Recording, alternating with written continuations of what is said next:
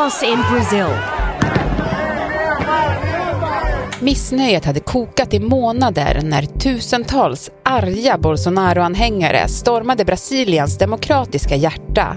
Rioters stormed Brazil's Congress, presidential palace and Supreme Court. Attacken beskrivs som det värsta angreppet sedan militärkuppen 1964 och lämnar landet i chock. An act that can only be described as an attack on Brazilian democracy. Hur kunde det gå så här långt? På en kvart får du veta vad det egentligen är som pågår i Brasilien just nu. Brazil is a divided country. Det är fredag den 13 januari. Det här är Dagens Story för Svenska Dagbladet med mig, Alexandra Karlsson.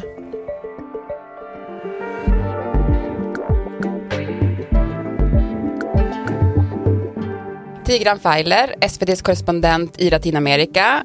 Kul att du är med i Dagens Story. Tack så mycket, kul att vara här. Mm. Du, jag tänkte, i söndags kväll när det började komma bilder, rapporter mm. från stormningen i Brasilia, vad tänkte du då? Det var ju en chock först. Ehm, för det, en dubbel känsla kan man säga. Å ena sidan så var det ju på något sätt väntat, för det här har man pratat om i över ett år i Brasilien, om riskerna för att det skulle bli ett sånt här scenario eh, som påminner då om, om, om stormningen i Kapitolium i USA för två år sedan.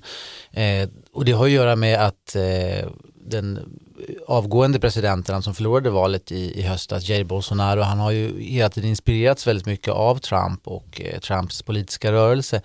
Men samtidigt så var känslan nu att den risken lite var över på något sätt eh, därför att maktöverlämningen till Lula första januari gick ju väldigt lugnt till och Brasilien hade ju då redan fått sin eh, nya president. Och jag tänker så här, för att förstå vad som låg bakom det här och liksom förstå hur det är i Brasilien, du har ju varit där mycket. Mm. Alltså vad är det för stämning i landet? Det har ju varit så extremt turbulenta år i, i Brasilien där Brasilien har befunnit sig i ja, nyhetsfokus nästan hela tiden på ett sätt som Jylland inte har varit tidigare, eh, i alla fall inte här i Europa till exempel. Och det har ju såklart väldigt mycket att göra med Bolsonaro och hans person och sen så har det liksom fortsatt bränder i Amazonas, en extremt kaotisk och ifrågasatt pandemihantering eh, och sen det här valåret då eh, 2022 som var extremt polariserat, infekterat där två de mest tongivande politikerna de senaste ja, 20-30 åren i Brasilien möttes i någon sorts extrem tungviktsmatch liksom mellan då eh, historiska vänsterledaren Lula och eh, högernationalisten Jair Bolsonaro. Det var liksom så mycket symbolik i det här och Eh, någonting som var extremt tydligt eh, för mig när jag var i Brasilien inför valet och pratade med människor, oavsett vem du pratade med och vilken sida de stod på, så beskrevs det här valet som helt existentiellt för Brasiliens framtid. Eh, där då eh, Bolsonaros anhängare menar att om Lula skulle vinna och vänstern skulle få makten igen, då skulle eh, kärnfamiljen hotas och de kristna värderingarna skulle slå sönder. Eh, och om man pratade med då anhängare till, till Lula så beskrev man då istället om Bolsonaro skulle bli omvald så skulle det liksom permanenta någon sorts auktoritär högernationalistiskt styre och, och, demokratin och utrymmet för oliktänkande skulle försvinna. Som du beskriver här så är det en otrolig polarisering. Mm. Har det alltid varit det? Nej, det skulle jag väl inte säga utan Brasilien hade ju en lång period av eh, militärdiktatur då från 1964 eh, och fram till mitten av 80-talet. Eh, och sen efter att demokratin kom tillbaka så i början så var det ju inte riktigt på det sättet utan det är väl de senaste ja, kanske 6, 7, 8 åren som den här polariseringen har tilltagit mer och mer. Burrows furniture is built for the way you live. From ensuring easy assembly and disassembly to honoring highly requested new colors for their award-winning seating, they always have their customers in mind. Their modular seating is made out of durable materials to last and grow with you. And with Burrow, you always get fast, free shipping. Get up to 60% off during Burrow's Memorial Day sale at burrow.com slash ACAST. That's burrow.com slash ACAST. burrow.com slash ACAST.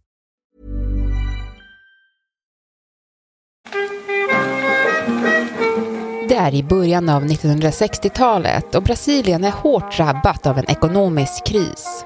För att vända på skutan föreslår den nytillsatte presidenten Jean Goulart stora förändringar. Han tillhör Arbetarpartiet och ser bland annat utbildningsreformer, utökad rösträtt till analfabeter och en begränsning av utländskt inflytande som en lösning. Men landets konservativa krafter ser rött. Och även den amerikanska ledningen oroas av hotet från kommunismen. When the end of his regime came, it was through a brief and bloodless military coup. 1964 avsätts den brasilianska presidenten i en statskupp som i hemlighet understöds av Vita huset.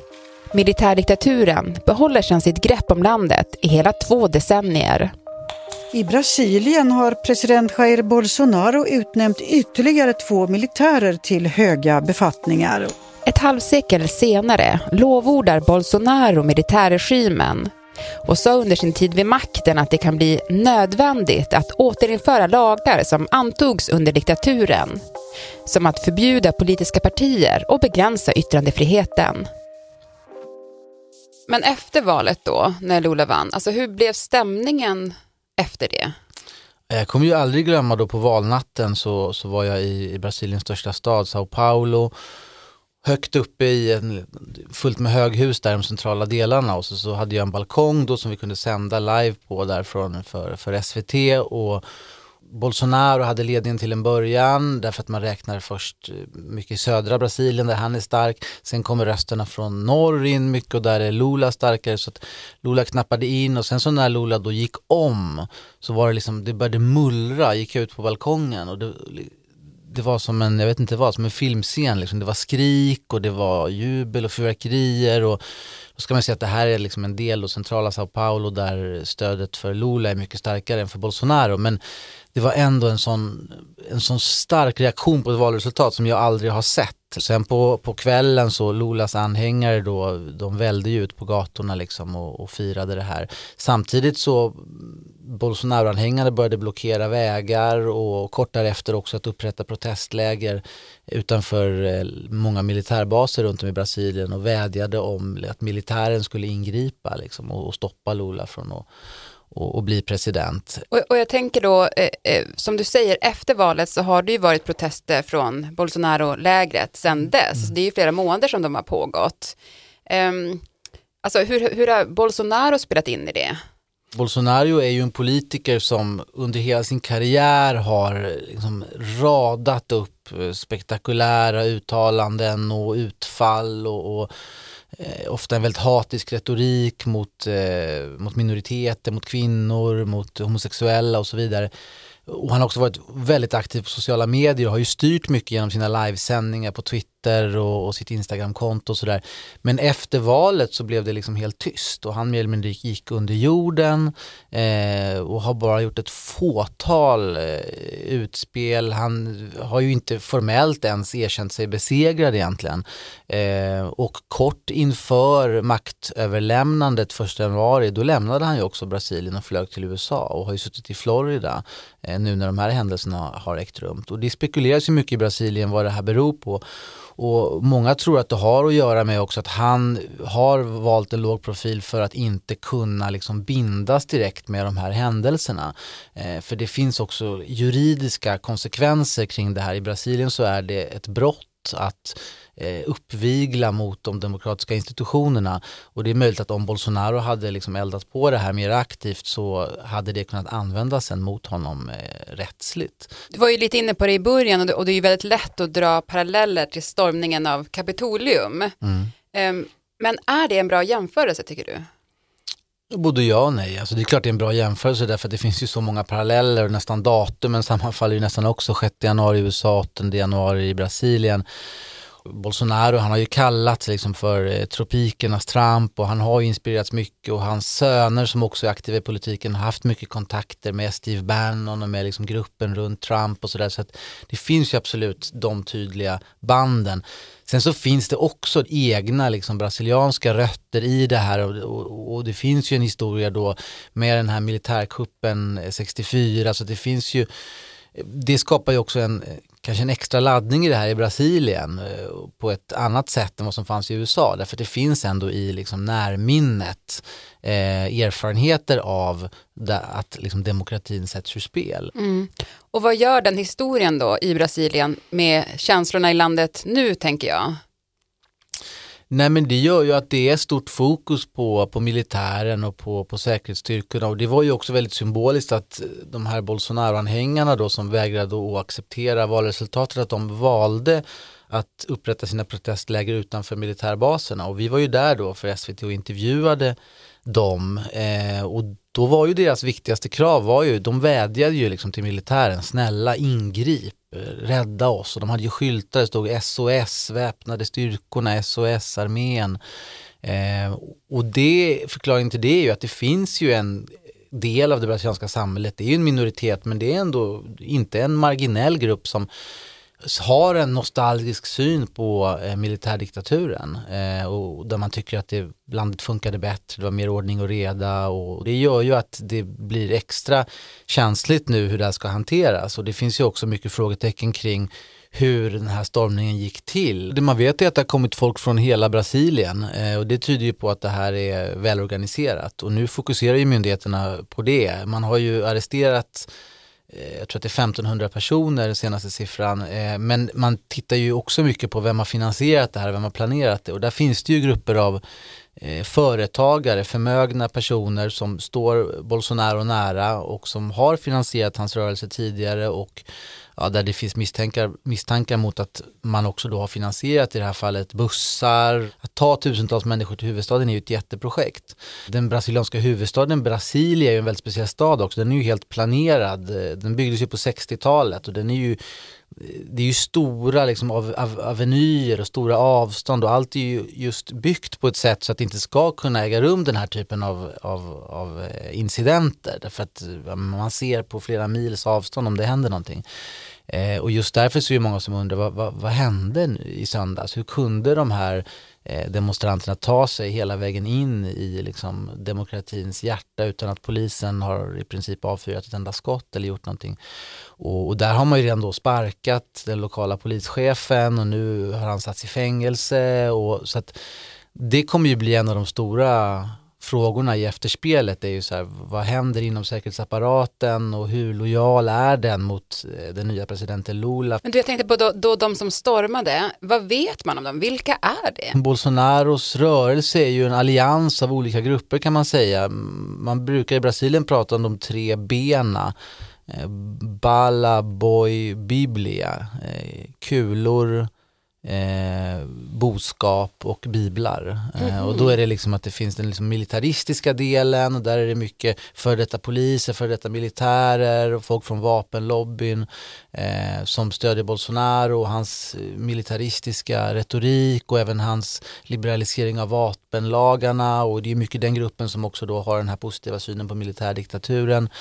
Eh, sen har du liksom boskapsdelen, det är då jordbrukssektorn som till stor del har stött Bolsonaro och där handlar det ju om att eh, man är positiva till den här politiken om att expandera ekonomiskt in i Amazonas, att öppna upp nya betesmarker och, nya jordbruksområden.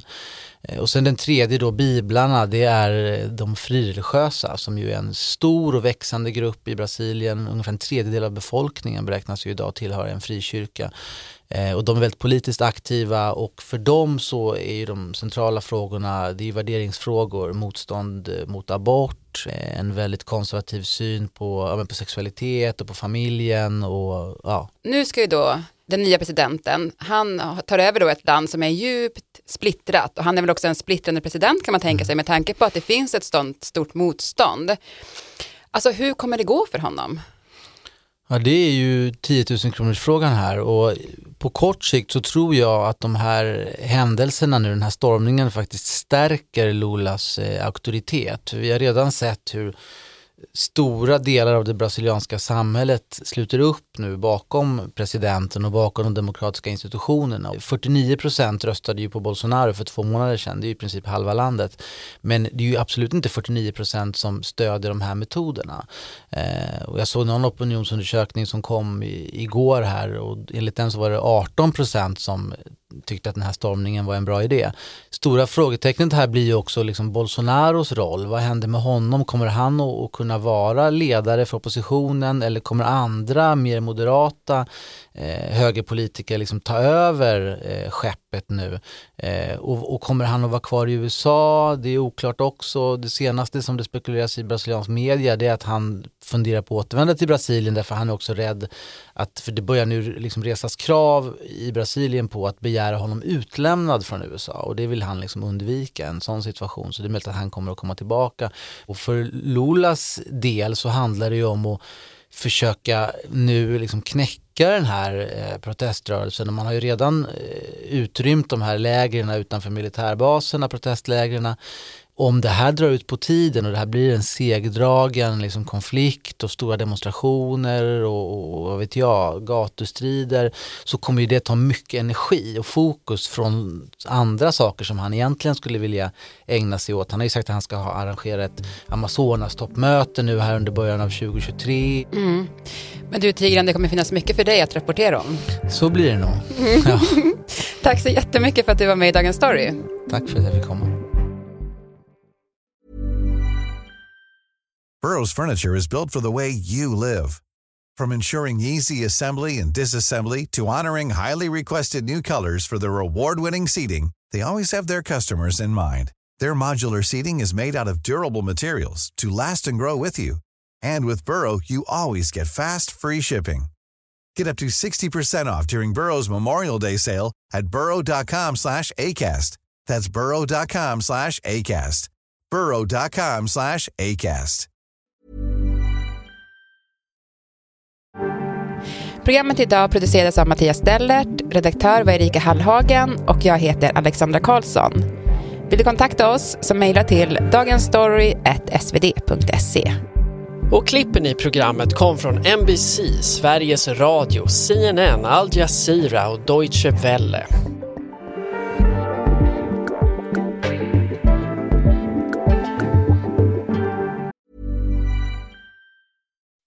When you make decisions for your company, you look for the no-brainers. If you have a lot of mailing to do, stamps.com is the ultimate no-brainer. Use the stamps.com mobile app to mail everything you need to keep your business running with up to 89% off USPS and UPS. Make the same no-brainer decision as over 1 million other businesses with stamps.com. Use code PROGRAM for a special offer. That's stamps.com, code PROGRAM.